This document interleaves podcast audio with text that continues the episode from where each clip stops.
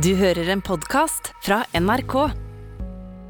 Nils har fått vite at han har en sønn på to år som han ikke har får ha kontakt med, og det syns han er vanskelig. Eh, Hvordan skal kompisen til Nils trøste han når det ikke finnes en løsning på det her problemet? Og er det greit å toppe laget når en er fotballtrener for gutta tolv år? Det her det er noen av hverdagsproblemer som det som hører på har eh, sendt inn til oss. Og nå så er tre kloke folk med ulike syn på livet klare for å gi råd. Jeg heter Kjersti Anderdal Bakken, og det her det er Etikketaten. Og da er altså det her eh, kloke folka på plass. Eh, Rett overfor meg så sitter en eh, amerikansk trønder, halvamerikansk trønder, Michael Stilson, som først drømte om å bli fotballspiller i utlandet. Den drømmen nådde til norsk eliteserie, men ikke lenger, og så ble det forfatterdrøm i stedet for, og den har blitt realisert. Hvor mange bøker har du gitt ut nå? Nå er det vel tre ungdomsromaner og en uh, tegneserieroman for eh, litt yngre lesere, mellomtrinnet. Så Ah. det er blitt fire. Mm. Yes. Og skal bli flere? Jeg håper det. Jeg sitter med et manus nå som jeg skal sende til redaktør på mandag, så vi får se om, om det blir bra nok. Ok, Spennende tider. Eh, og ved siden av det så sitter Elin Vullum. Du skriver også sjøl på Twitter, jeg har vært inne og snoka litt. Du skriver at du er sosialist, humanist, galkjerring og psykolog med sterke meninger om mangt og mye. Ja. Det lover veldig godt. Eh, hvor jobber du hen til daglig? Altså, nå må jeg jo starte med å si det at jeg har ikke vært innlogga på den Twitter-kontoen på noen år. Da. Alt annet enn gardkjerring. Eh, det var en periode i livet som ble avslutta i 2018, så nå er jeg frue på Besteberg i Trondheim. Eh, skal vi se Savner du gardkjerringlivet, da? Nei, vet du, jeg gjør ikke det. Det var jo en grunn til at jeg valgte å endre på det. Så det er veldig godt å bo i byen. Nærhet til alt. Og ja, kom hjem til Trondheim. Mm. Og hva- jobber du med til daglig? Jeg er psykologspesialist, men nå så jobber jeg med ledelse i helse. Jeg har i mange år jobba med rus- og avhengighetsproblematikk i særlig grad. Alvorlig psykisk lidelse. Stort sett vært ansatt i helseforetak hele livet. Eh, Men nå har jeg da gått litt bort fra klinikken og er over på ledelse, og det er kjempespennende. Mm. Og så Tredjemann i Etikketaten det er Ivo Vatnar Eise, som laga podkast for Forsvaret og for livsvernorganisasjonen eh, Menneskeverd. Og heia på det å stille spørsmåla som alle lurer på, men som ikke tør å spørre. Hvem er du mest stolt av å ha intervjua, Ivo? Det blir kanskje litt eh, feil å si, men eh, jeg syns det var mest interessant å møte tidligere drapsdømt Kjell Alrik Schumann. Veldig spesielt å få best kjemi med en person som har eh, tatt liv. Men eh, jeg syns eh, mennesker som man i utgangspunktet har veldig sterke meninger om, og som har sonet en lang straff, og som har levd et liv som jeg ikke klarer å sette meg inn i, er veldig spennende å møte. Så, så det var vel egentlig Ja, har vært liksom det møtet som jeg husker best. Mm. Og nå så er det her altså Gjengen i Etikketaten i dag, et livssynsprogram. Så vi er eh, jo da som alltid nysgjerrig på hva panelet har med seg i sekken. Elin, du skrev at du er humanist. Ja. Eh, og det handler jo om at eh, Jeg tror ikke på noen gud, men jeg tror på det gode i mennesket. Eh, jeg har trua på mennesket sin evne til å ta valg. eh, frie valg. eh, på rasjonaliteten. Og det å ta, eget, ta ansvar for eget liv. Det er kanskje litt rart at jeg sier det når jeg jobber med et sånt felt som rus og avhengighet, men, for det er vanskelig. Det er kjempevanskelig, men vi har den evnen. Og eh, det å ikke tro på en gud, det er jo, det er, jo, det er egentlig ikke et valg, sjø, for at jeg prøvde. Eh, når jeg var ungdom, så prøvde jeg å, å tro.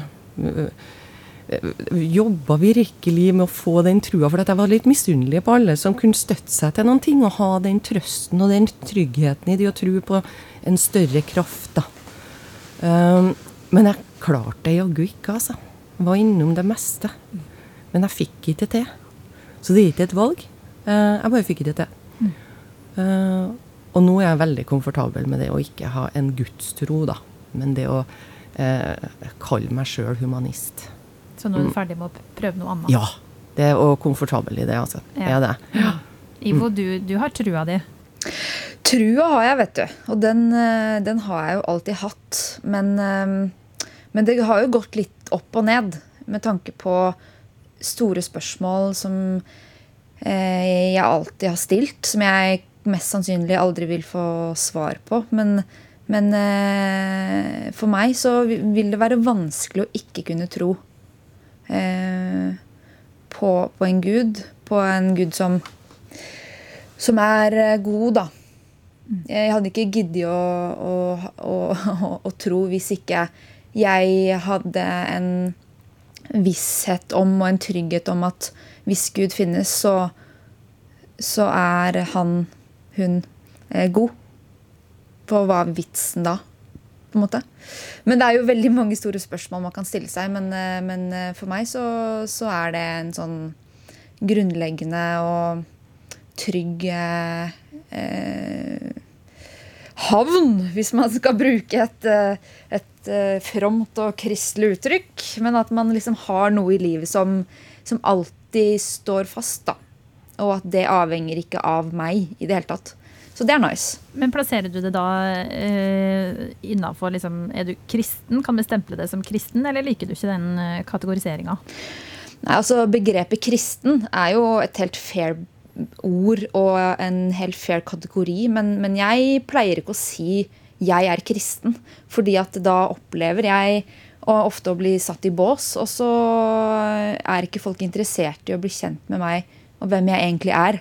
Uh, at jeg, jeg, kan oppleve at folk tror at jeg er skikkelig kjedelig.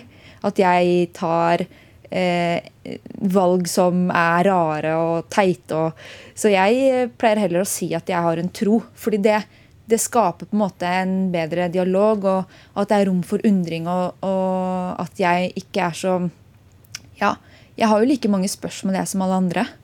Eh, og, det, og, de spørsmålene de får rom da, hvis jeg heller sier tro. Ja, er min erfaring, da. Mm. Mm. Michael, eh, hvor er du på denne stigen? Nå føler vi liksom har eh, laga en med liksom tro på ene sida og tro på mennesket på den ene og Gud på den andre.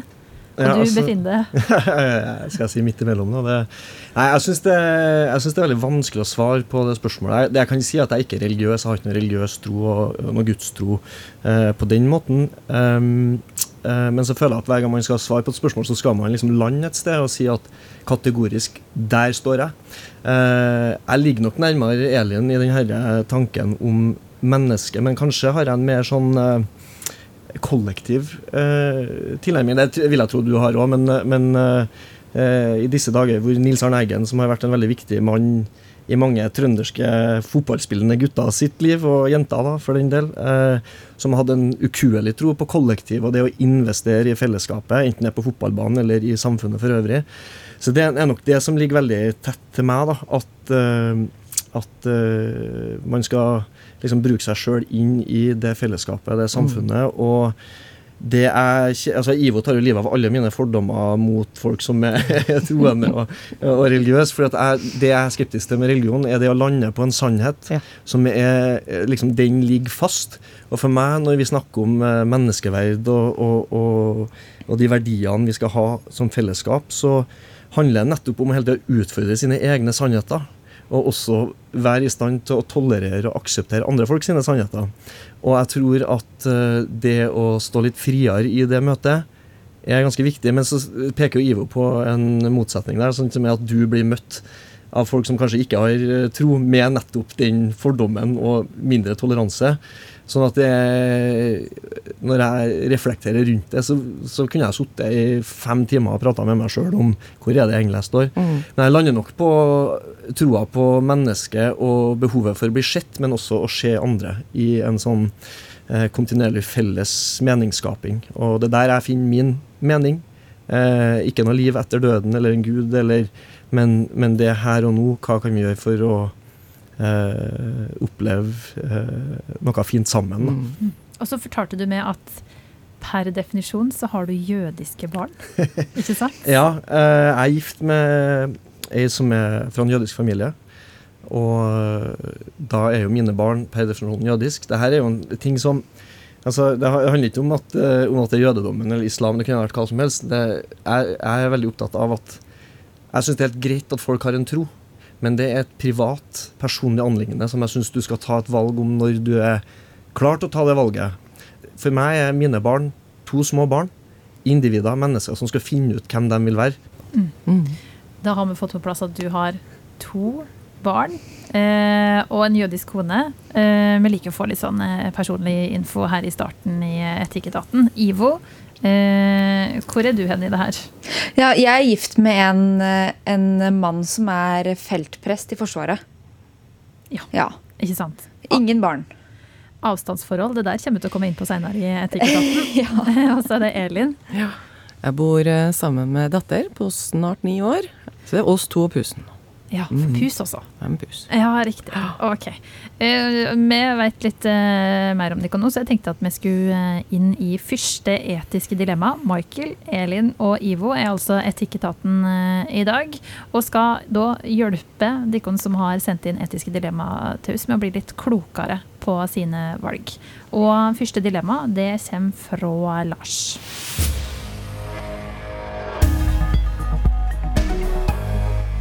Lars skriver til Etikketaten krøllalfa nrk.no på e-post, altså. Hei, jeg har en kompis, det kan kalle han Nils, som har det veldig tungt for tida. Han har fått en anonym beskjed om at han har en sønn som er rundt to år nå. Han veit ikke hvem sønnen er, eller hvem mor er. Og det har han heller ingen mulighet til å finne ut av. Nils åpna seg opp for meg en kveld for et års tid siden og fortalte at han syns det her er veldig vanskelig. Siden den gangen så har han ikke prata om det. Det er tydelig at Nils virka tynga, og jeg lurer på om det her er grunnen. Men han er ikke en åpen type, og bringer heller ikke temaet på banen lenger. Jeg vil veldig gjerne hjelpe han, så, og kanskje kan jeg hjelpe han til å se litt lysere på livet. Men hvordan kan jeg gå fram? Hva kan jeg si? Det er jo bare forferdelig at han har en sønn som han ikke har noen mulighet til å finne ut mer om. Helsing fortvila kompis, som vi har gitt navnet Lars, og begge er i starten på 30-åra. Ivo, hva tenker du om det her? Eh, det er jo et eh, helt sånn hinsides dilemma. Man klarer ikke helt å sette seg inn i situasjonen til Nils. Eh, men hvis jeg, hvis jeg hadde vært Lars, så hadde jeg Altså, en god venn tør å stille direkte spørsmål. En god venn tør å gå inn i det vanskelige. Så jeg hadde rett og slett stilt Eller sagt sånn Jeg ser. Det kan hende jeg tar feil, men jeg ser at du eh, kanskje er tristere nå enn det du har vært. Og jeg lurer på hva er det Hvordan har du det? Eh, og kanskje etter hvert gå inn på spørsmål som handler om nettopp eh, det at han ikke vet hvem sønnen er. Og finne ut av hva, hva, tre, eh, hva trenger du? Hva vil du at jeg skal gjøre? Eh, jeg er her for deg. Og, eh, fordi vi vet jo ikke hva Nils kjenner på. Hva slags følelser han sitter med, hvorfor han føler det han føler. Og, så det må jo fram først, da, tenker jeg. Hadde du turt å stille så direkte spørsmål til en kompis, eh, Michael? Absolutt. Jeg er veldig enig. At, uh, for det er, en, det er en veldig sånn det, det, er en problemstilling hvor du egentlig lurer på litt mer om bakgrunnen her, for å kunne forstå hva er det som tynger Nils. Det er jo mange faktorer her som, uh, som gjør at uh, det er noe problematisk informasjon å forholde seg til. og, og, og det å legge lokk på sånne følelser har jeg ikke noe tråd på, men man kan jo frykte at det å gå inn i det og hvis, hvis det er en avklart situasjon hvor det ikke det er ikke aktuelt uh, at, ungen, at du skal spille en rolle i den ungen sitt liv, eller at du, du, du kommer ikke noe videre annet enn det der. Hvis den beskjeden er såpass tydelig, og, og, han tror på det, så er det litt sånn Ja, hva skal man si, da? Så jeg, jeg skjønner jo at man uh, Men uansett så, så kan det være fornuftig å, å løfte de følelsene opp i dagen. og og finne ut hvorfor er det også å få en avklaring på det. fordi at det kan jo ligge der og være litt sånn uavklart. Så jeg tror den, de, de, spørsmålene må stilles, selv om han ikke er en type som liker å åpne seg. Mm. Eh, og da må man prøve å tvinge det fram, og da har man i hvert fall gjort noe. Hvor, også, jeg tror det er veldig menneskelig å tenke sånn Hvordan kan jeg løse denne floka? Er det noen mulighet til å finne ut? Og, og det er det ikke. Denne floka, den, den, er der. Det må Nils da bare eh, leve med. Elin, med psykologhatten eh, på. Må en alltid snakke snakke om det som er problemet, eller kan en på en måte bare støtte opp rundt? Må ikke alltid snakke. Det er en veldig rar ting at en psykolog sier at det her med å spørre og prate og finne ut av, det er litt overvurdert. Eh, men som venn Så jeg tenker Lars, kompis Lars, han er fin, da. Han har lytta, han har sett, og han har tenkt. Og det syns jeg skal fortelle til Nils. Du, Nils, kompis, jeg har tenkt så mye på det du fortalte meg for et år siden. La det ligge der. Jeg har sett det, jeg har tenkt. Ikke sant? For vi blir så opptatt av å spørre de rette spørsmålene ofte for å ta uh, hull på en tenkt byll. da. Uh, vi sitter og så ser vi, vi ser han har det tungt, og vi trekker konklusjoner. ikke sant? Han har det sikkert tungt nå fordi at han tenker mye på den her eventuelle sønnen. Ikke sikkert det. Uh, og det, det, å ha det tungt, hva er det for noen ting? En sint? Kanskje han er eitrende forbanna, er jo grunn til det òg. Kanskje han er lei seg, kanskje han har en sorg. Det er vanskelig å vite. sant? Vi blir så opptatt av å finne ut av hva tenker du, hva føler du? Men som venn, bare det å vise at jeg er her, tenker på deg, tilkjennegi at man, uh, man er der om du skulle få lyst til å snakke. Kanskje kan det sette i gang noen tanker og refleksjoner hos, uh, hos uh, Nils. Og hvis eh, Nils da svarer ja, det er noe dritt det der, og så begynner han å prate om eh, hvordan det ligger an i uh, Eliteserien, mm. skal bare Lars la det ligge der, da? Kanskje han har veldig behov for å prate om hvordan det ligger an i Eliteserien, for det her med å ha en sønn som du aldri får møtt, det er vanskelig å forholde seg til.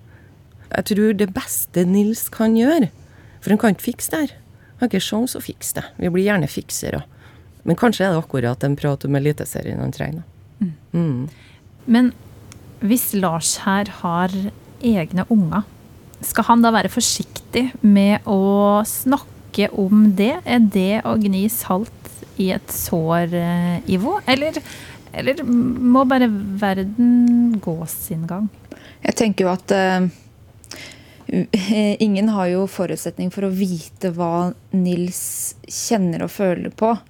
Så, så det kan jo hende eh, Nå har vi jo snakket litt om eh, hvorvidt man skal stille spørsmål eller ikke, men kanskje legge fram det på en måte, veldig forsiktig måte for Nils, sånn at man får en bekreftelse på om det faktisk er ubehagelig eller ikke. Eh, for vi har jo vet, Lars kan jo ikke vite om det. Hva om han skjuler, prøver iherdig å skjule på en måte alt som har med barna hans å gjøre, og så er det i utgangspunktet ikke et problem for Nils, eller motsatt. Så jeg tenker jo det er jo Man må eh, snakke sammen om, om eh, det. Mm. Hvor tar du det her samtalene Michael, med kompisene dine når du skal sjekke hvordan går det? Eh, det er ofte på tomannshånd. Det kan være eh, Jeg spiller squash. Eh, det kan være på joggetur. Det, jeg liker, jeg syns det er ofte når man er i bevegelse, så er det liksom lettere og Sånn er det med alt, egentlig. Det å være i bevegelse og gjøre noe sammen eh, fysisk. Eh, pleier å liksom få kverna til å gå. da. Um, så det, jeg ville nok eh, tatt med en kompis, eh, jeg ville tatt med Nils på en løpetur. og så eh, jeg, ville ikke vært så redd for å prate om egne barn. liksom. Jeg, jeg tror man skal være forsiktig med å liksom, overdrive greia. Jeg tror ikke uh, Lars er typen sikkert til å sitte og jabbe om ungene sine hele tida. Det, det, man forteller kanskje et eller annet, men det syns jeg man skal være redd for. at Det blir en sånn kunstig Hvis det er sånn Ja, og eh, Greta, hun, hun lærte seg å gå nei, nei, sorry, jeg skal ikke snakke om ja. sånn, Det blir en ja. sånn eh, klein, kunstig situasjon. Man, man skal, akkurat til deg syns jeg man bare skal kjøre på. Du, kanskje det viktigste, tenker jeg, da, er at du tuter og kjører som vanlig. Eh, at det ikke blir At Lars heller ikke legger en sånn klamhet over din relasjon, for kanskje er den relasjonen Kanskje er det en joggetur eller spille eller ja. hva enn man gjør sammen. Og, og, og, det å gjøre det hyppig å være til stede kanskje åpne hvis det er behov. Men uh, ja, joggetur ville ha vært min, min løsning på den praten. Mm. Burde han, uh, burde han, sjekke inn liksom, med, med, Nils litt oftere når han vet at det her ligger uh, under der og murre, Elin? Eh. ja, vi gjør jo det. Altså hvis, noen, uh, hvis, vi går rundt og tenker at noen vi er glad i, har det vondt, så er vi jo litt mer på. Eh, av og til så kan man legge igjen noen sånne beskjeder som er eh, Jeg er bekymra for deg. Mm. Eh, jeg tenker mye på deg, jeg er bekymra for deg. Jeg vil at du skal vite det. Mm. Det høres eh, så enkelt ut. Det er jo ikke det. Det er jo kjempevanskelig. Ja, ja, ja. Sånn å, hei, hei, hvordan går det? Du eh, tenker på det. Nei, her, eh, Lars, her har du fått veldig mange gode råd. Eh, Lars har altså en kompis, Nils, som har en sønn på to år som han ikke får ha kontakt med, og um, lurte på hvordan han skulle forholde seg til det her. Jeg vil tro at eh, Lars også kjenner liksom knyt seg litt i magen når han skal utføre det her eh, råda. Eh, Men det er sikkert godt, godt å høre at eh, du må ikke du må ikke nøste opp i det her. Du må ikke inn i det vonde og vanskelige. Du skal si at jeg har tenkt masse på det du fortalte meg for et års tid siden. Der har du til og med en ferdig replikk. Og så kan du også gjerne sjekke inn innimellom og høre eh, hvordan det står til. Og så tenker jeg når du har den klumpen i magen og vet at du er på joggetur og skal si det her, hvor gale kan det gå? Så har han en, en trygghet og en god kompis i det, Lars.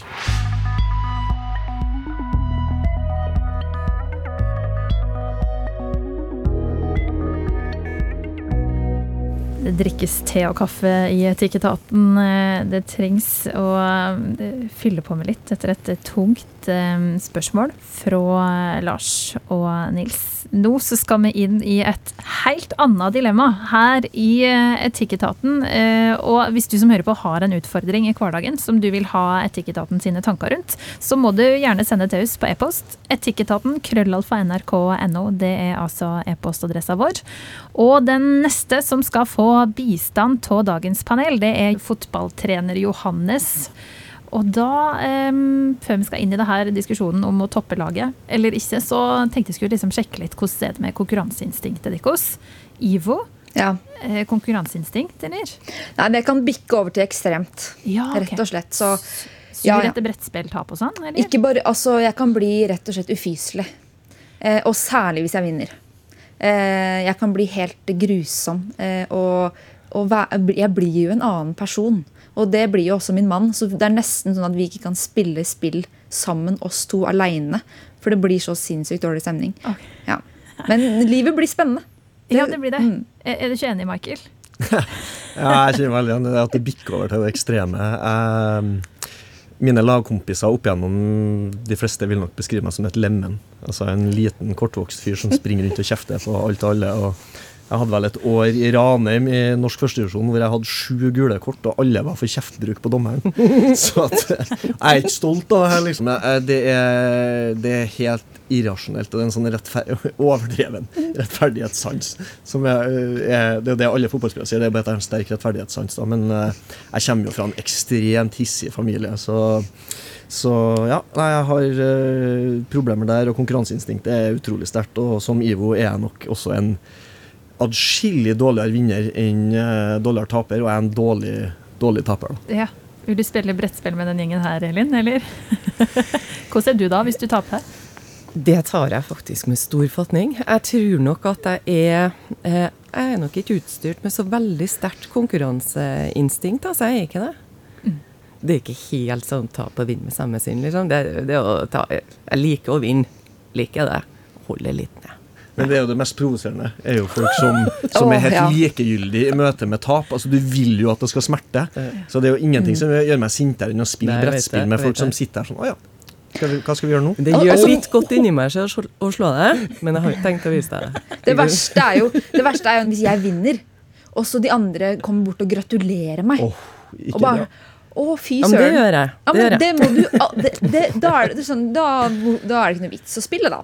Nei. Eller hvis faren min, hvis jeg spiller med pappa, han er sånn som gir meg seieren. Det er sånn, vær så god, du kan få den, liksom. Ja, det kan jeg òg finne på. kjenner jeg. Ja, men da skal ikke vi spille sammen. For å si sånn. vi får finne på noe annet. Det blir spennende når vi skal inn i det her toppe toppelaget på fotballbanen-problematikken. Tenk at de kan ha vært tre ulike fotballtrenere, hvis det er de som hadde stått eh, på sidelinja der. Vi skal inn i sportsverdenen. Der er Michael på heimebane. Eh, Hvor mange år var du fotballspiller? Jeg spilte til jeg var nesten 30. Så det ble 5-26 år da fra jeg begynte å sparke ball for første gang. Spiller du noe fortsatt? Å, vet du, Det er et godt spørsmål, men i går var jeg faktisk på min første futsaltrening siden korona. Med kompiser. De spiller Eliteserien, Freidig futsal. Eh, og jeg ba på mine knær om jeg kunne få være med og, og se hvordan det gikk. da. Og jeg, kommer hit uten å være på krykker, og kroppen kjennes helt ok, men jeg var sliten. Men det var så artig. Det var, ja, så, så den uh, leken jeg savner, det er liksom uh, det å være med kompiser og bare leke seg. Elin, uh, driver du med noe idrett? Nei, vet du, jeg gjør ikke det. Og så har jeg så lyst til å pynte på, vet du. Jeg får, jeg får så lyst til å skryte av at jeg Jo da, jeg springer intervall faktisk her to ganger i uka. Det begynte jeg med for to uker siden.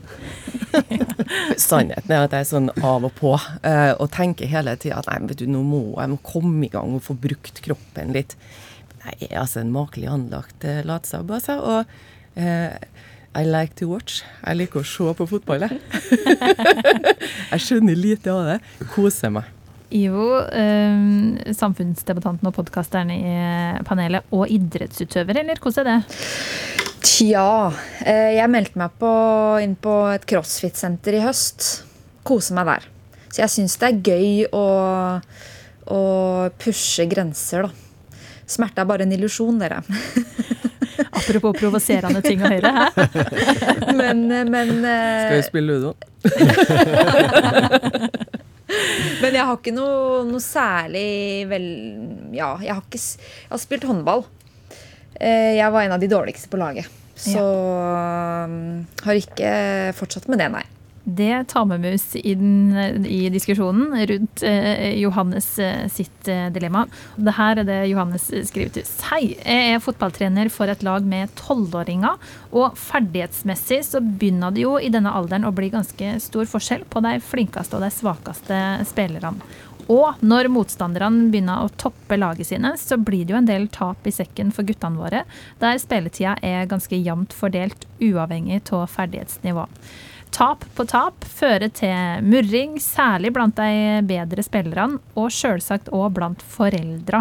Så da er dilemmaet topper jeg laget, så får jeg resultat, eller skal jeg satse på likebehandling?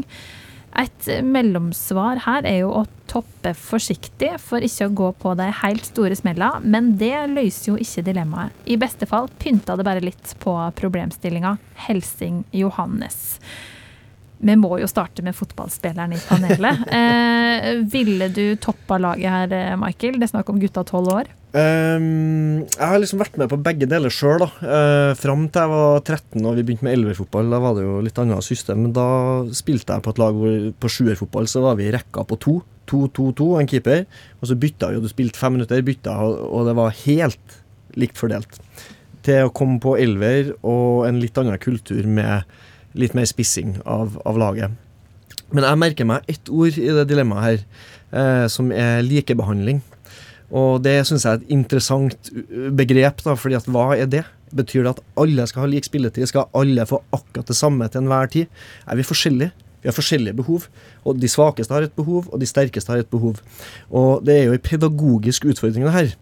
Eh, som er meget krevende, for den er ikke bare pedagogisk mot en gjeng med unge fotballspillere, men er, det handler om foreldre med sine forventninger og tanker om hva fotballivet til mitt barn skal være. Uh, og jeg tenker at den diskusjonen er viktig å ha. Uh, det er artig å vinne fotballkamper. Det er mye artigere å vinne fotballkamper enn å tape fotballkamper. Det ligger mye mestring i det.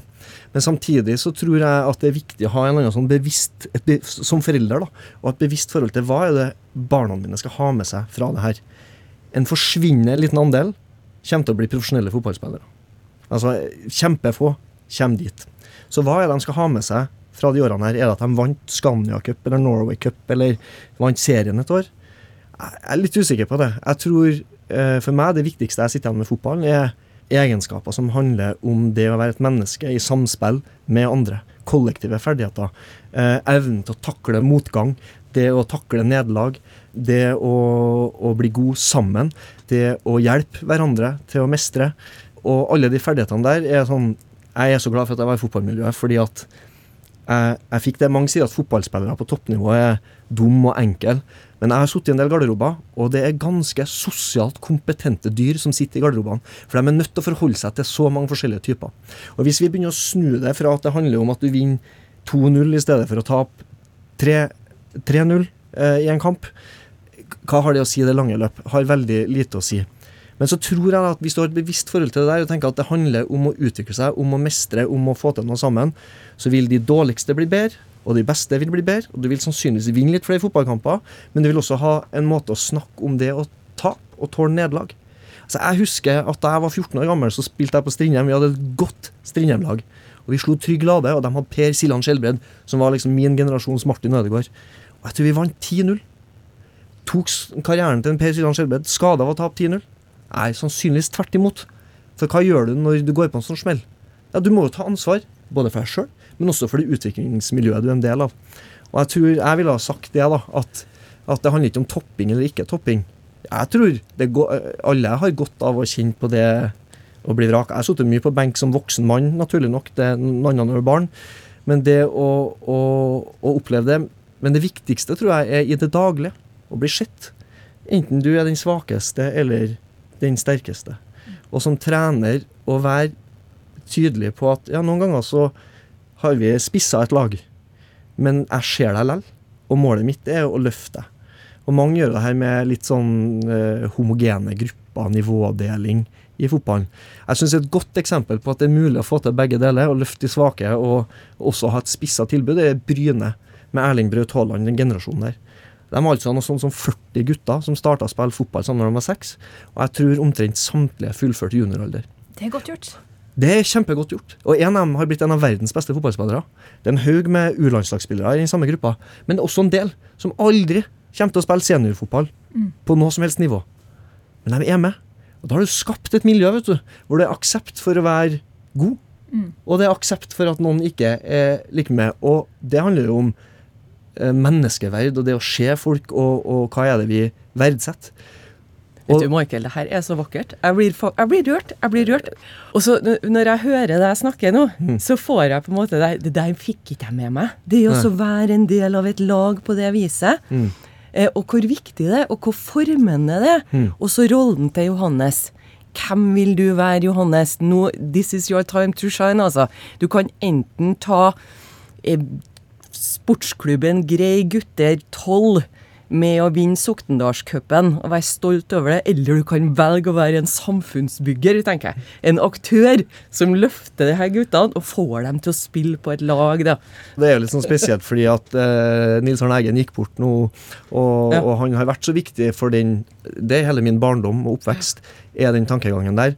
Eh, jeg vil bare si, si litt som det dilemmaet vi hadde i sted at det er ikke sånn at alle floker skal løse seg helt opp. Det betyr ikke at Johannes nå får ei oppskrift, og så går han ut, og så plutselig har han produsert den nye Erling Braut Haaland, og alle var dritfornøyd med hele opplegget. Det er ikke noe enkelt svar på det, hvordan du skal gjøre det. Det er en kontinuerlig eh, revisjon av praksis.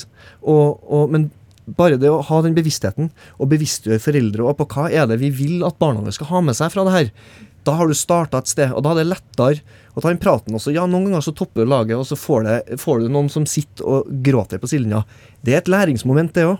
Så man skal ikke være redd for å liksom prøve ut og, og, og hele tida eh, den, den, floka er kontinuerlig, og du løser den opp der, og så floker den seg et annet sted. Men det er liksom livet, da tenker jeg. Men har jo eh, Ivo og Michael sagt at Dikon har et voldsomt konkurranseinstinkt. Eh, jeg melder meg på på den sida og veit sjøl, som eh, fotballspiller, vært på Norway Cup hvor sommer, vil jo selvfølgelig komme til finalen. Gjorde jo aldri det, for det var jo utenlandske lag som var masse masse bedre enn oss. Men eh, sto jeg, jeg var keeper, sto i mål, og det var jo selvfølgelig utrolig irriterende når det ble satt på plass en forsvarsspiller på banen som ikke kunne prestere like godt som eh, den som var på benken. Så i, i det her med at Johannes nå skal gi alle spilletid på laget, så ligger det jo en veldig pedagogisk utfordring. For det er jo lettere å toppe laget. Eh, han møtte mindre motstand, vil jeg tro, eh, fra laget og foreldra på det. Ivo, eh, du har sagt at du var en eh, benkesliter. Hvordan var det å ikke få spille? Nei, jeg husker jo godt de gangene jeg ikke fikk spille. Satt der på benken eh, blå på leppa i håp om at jeg skulle få noen minutter på høyre ving. Men jeg visste jo at jeg var dårlig, men det var jo ingen som fortalte meg det. Og ingen som ga beskjed til meg om hvorfor jeg ikke fikk spille. Eh, så jeg syns ikke det var spesielt gøy å spille håndball. Og jeg gledet meg ikke over sammen med laget når vi vant. Jeg brydde meg egentlig ganske lite.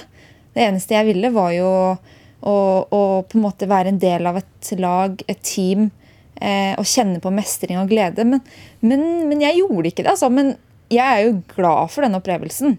At livet er noen ganger sånn at du må sitte på, på benken og ikke få være med i det gode selskap. Og at det var en eh, opplevelse som jeg kan ta med meg videre. Men jeg skulle ønske at treneren eh, for, fortalte meg om, om, hvorfor de valgene ble tatt. Eh, og hvorfor jeg ikke fikk spille. Fordi det ble ikke snakket om.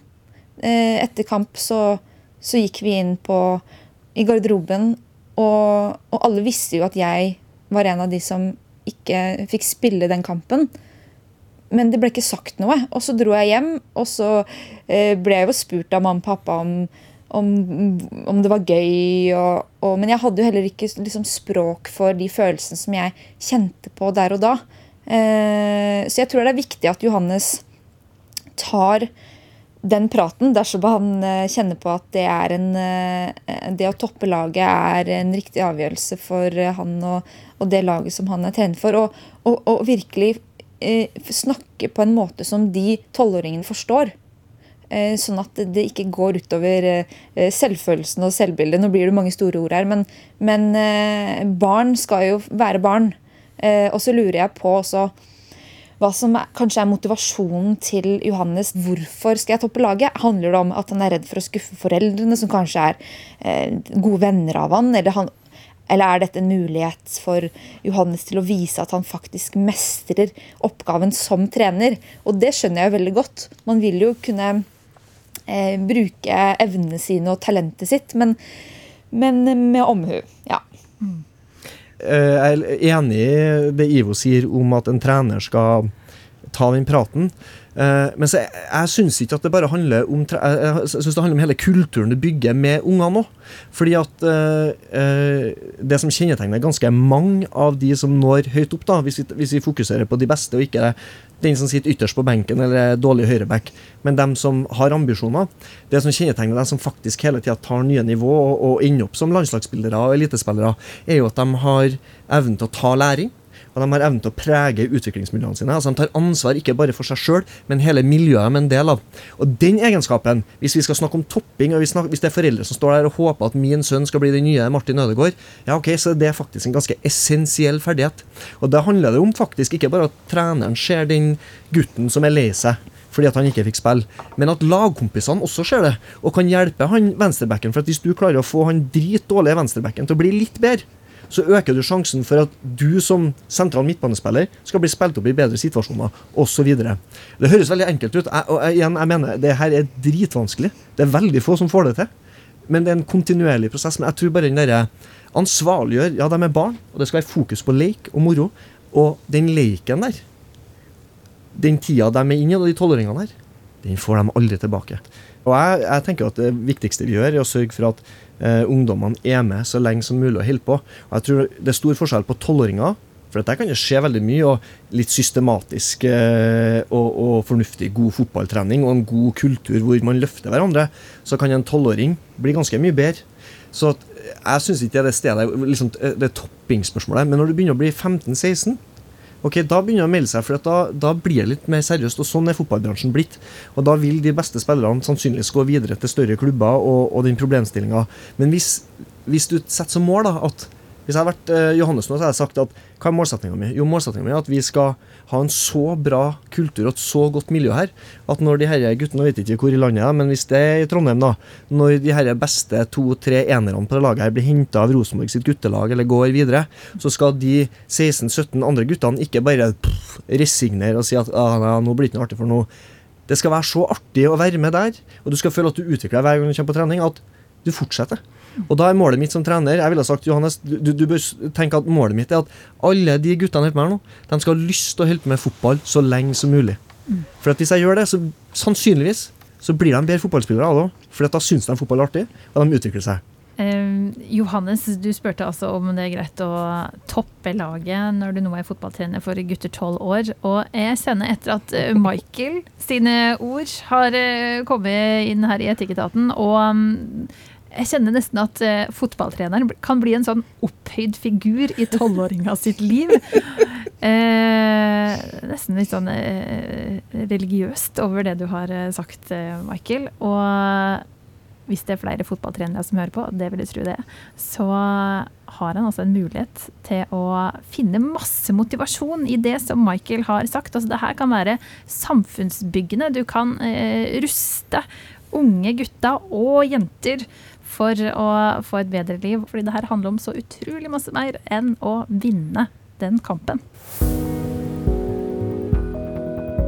Vi har ett dilemma til som Etikketaten skal tenke kloke tanker rundt. Og det er et skikkelig dilemma også, fordi Stian og partneren klarer ikke å bli enige om hvor de skal bosette seg. Men før vi går inn i det, så skal vi bli litt mer kjent med dere i panelet. Og det er da også Den hellige gral som skal gi oss det. Vi skal ty Den hellige gral med lapper, spørsmål som fordra ærlige svar fra panelet. Panelet her i dag består altså av psykolog Elin Vullum, forfatter, og tidligere fotballspiller Michael Stilson, og Ivo Vatn Reise, podkaster og prosjektleder i organisasjonen Menneskeverd.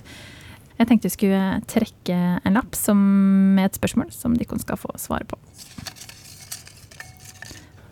Når blir du urolig? Jeg er jo litt urolig, um, sånn jevnt over i livet. Um, men uh, uro, hvis du definerer det som et ubehag, da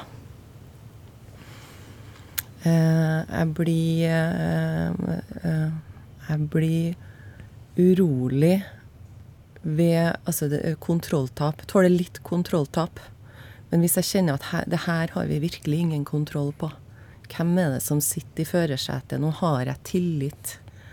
Eh, og når jeg kjenner at jeg ikke har tillit til dem som sitter i førersetet Nå er det fort gjort å tenke på sånn pandemihåndtering og sånne ting, eh, men det kan jo være piloten på SAS-flyet. Hvis jeg ikke har tillit og tenker at noen, har vi kontroll her nå, og ingen kan eh, trygge meg på det, da får jeg en ubehagelig uro. Ikke en sånn god, kreativ uro, men en ubehagelig uro.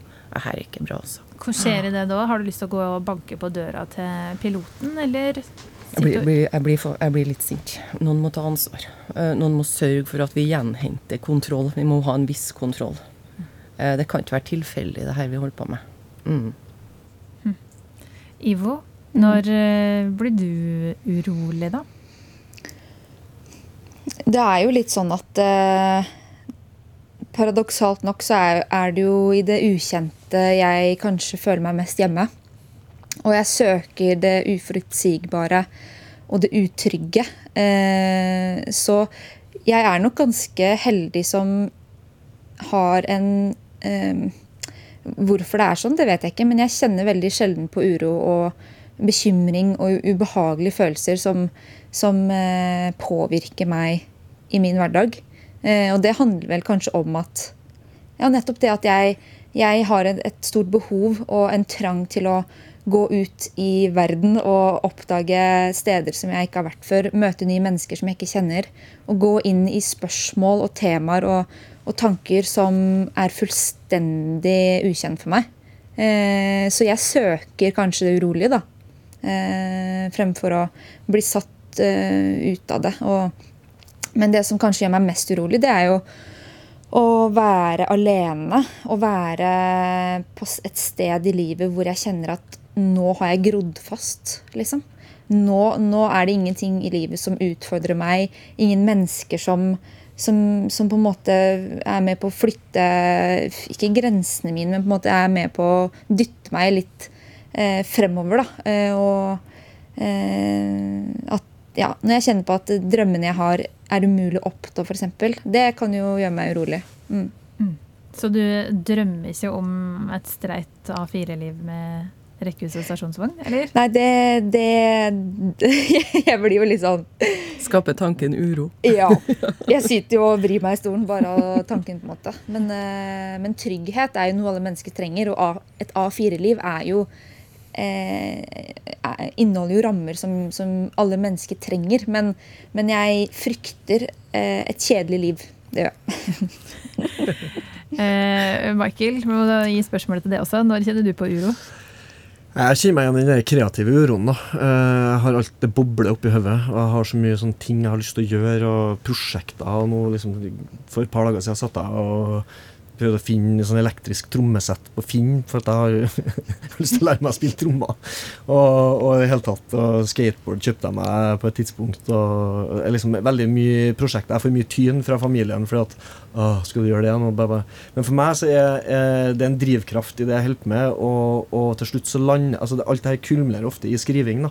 Jeg må hele tida ha en sånn dynamisk veksling mellom det å være litt sånn scattered oppi hodet, til å eh, lande og skrive, og det er en veldig sånn fokusert, og da kan ikke jeg ha uro. Men så den ubehagelige uroen til meg oppstår når ting begynner, altså jeg begynner å flyte imellom de her to, den kontrollerte kreative uroen og den, den eh, kontrollerte skriveprosessen.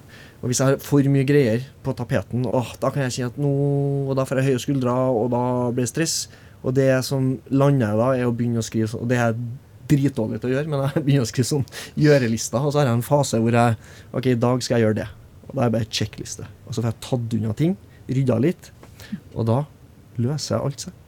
OK. Um, uh, vi legger bort Den hellige gral uh, for uh, denne gang. Og så tipper jeg at det sitter folk og hører på som tenker at eh, de kjenner seg igjen i Dikkon. Det er liksom forskjellige uroligheter i eh, og forskjellige ting som trigger det.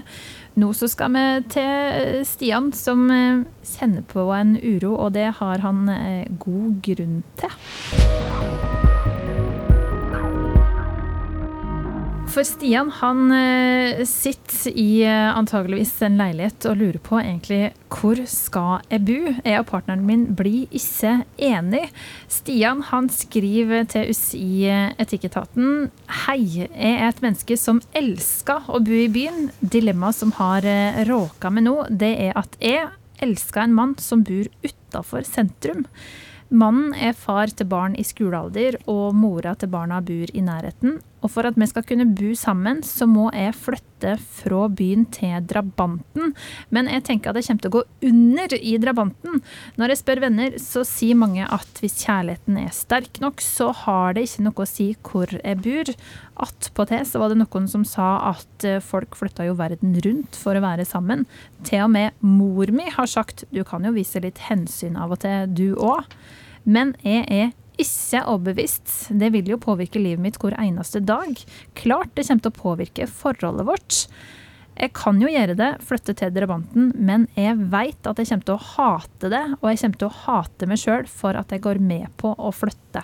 Og jeg er redd for at jeg vil hate han som er årsaka til at jeg flytta.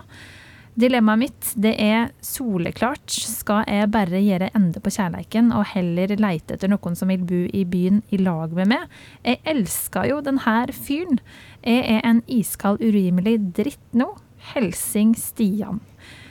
Og nå skriver ikke Stian hvor det her er, men vi kan jo se for oss at det er prat om å bo på Bakklandet i Trondheim eller ute i Drabanten i Heimdal. Cirka sånn ja, kvarter 20 minutter å komme seg fra ende til annen med, med kollektivtrafikk. Elin, hvor masse skal Stian ofre for kjærleiken?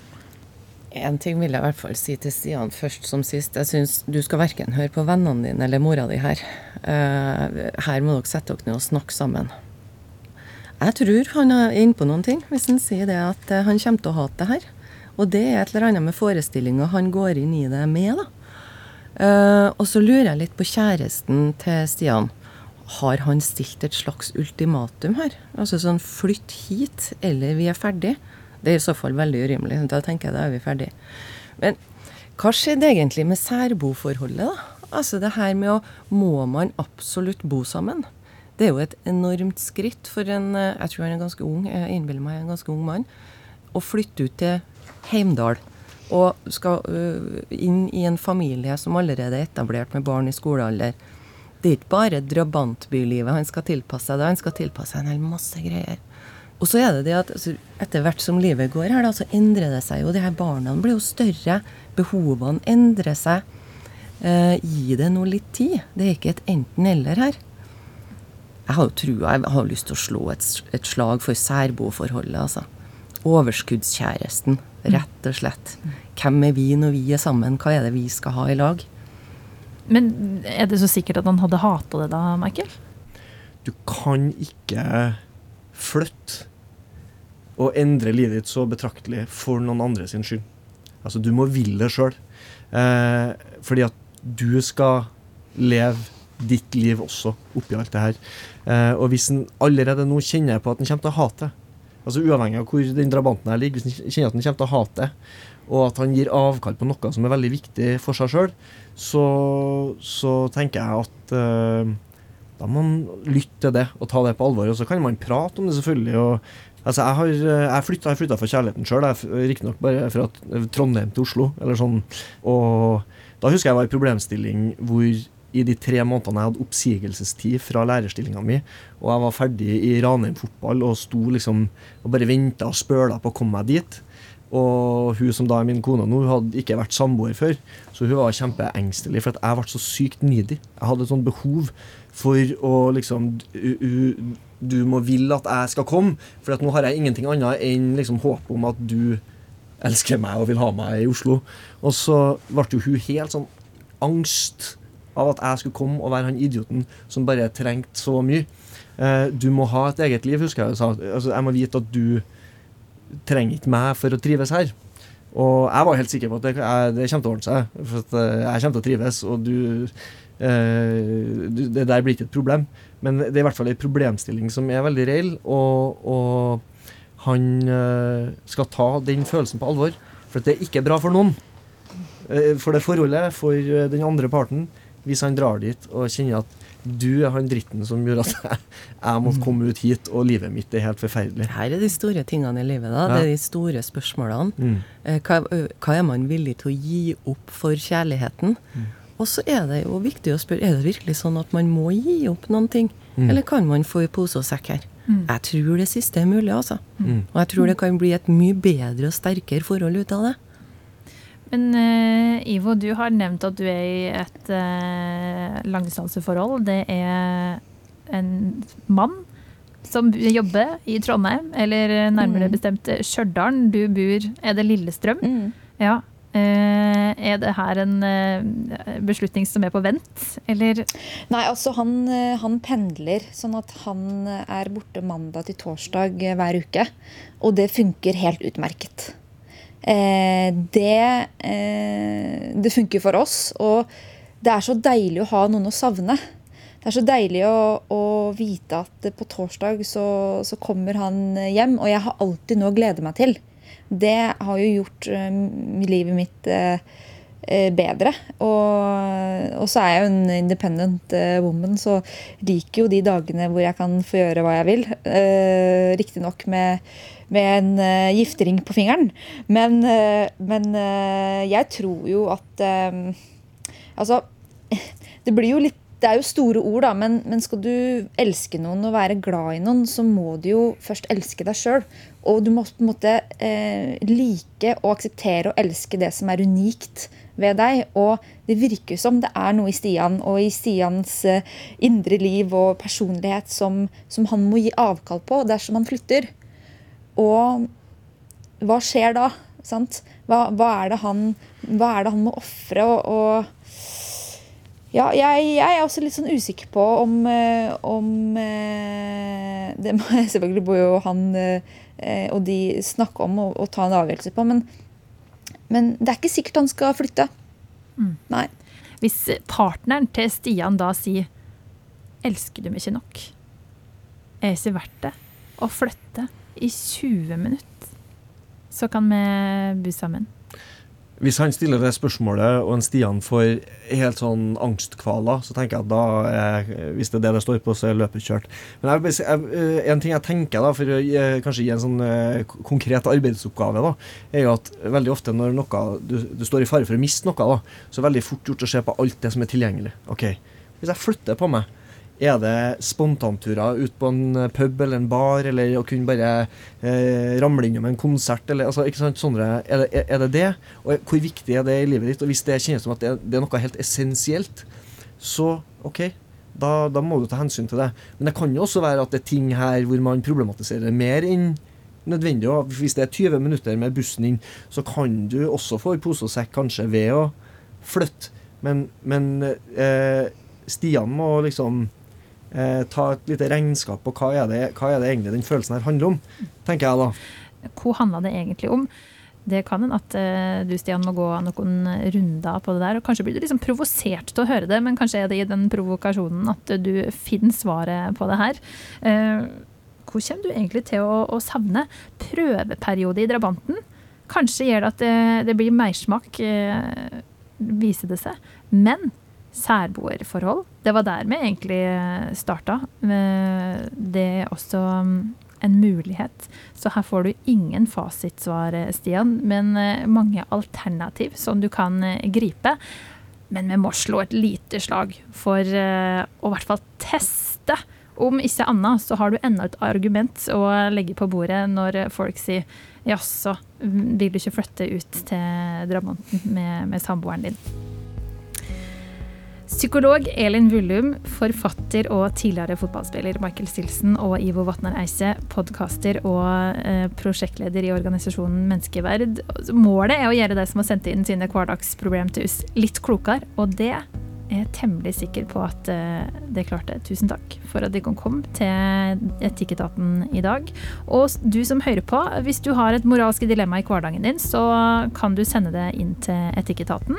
E-posten er altså etikketaten krøllalfa nrk.no. Vi er tilbake neste uke med et nytt panel. Og husk da at du kan høre oss hvor torsdag klokka tolv i NRK P2, og når som helst som podkast i appen NRK Radio. Jeg heter Kjersti Anderdal Bakken, og vi høres podkast. Du har hørt en podkast fra NRK. De nyeste episodene hører du først i appen NRK Radio. En podkast fra NRK. Tenk deg en by som har sin helt egen nasjonalsang. Det har med vår identitet å gjøre. Jeg er ikke fra Norge, jeg er fra Bergen, sier de. Og jeg elsker å være noe for seg sjøl. Bli med meg, Elise Farestveit, og finn ut hva som egentlig er greia med dette bergenske. Og hvordan har det blitt sånn? Podkasten 'Noe for seg sjøl' hører du først i appen NRK Radio.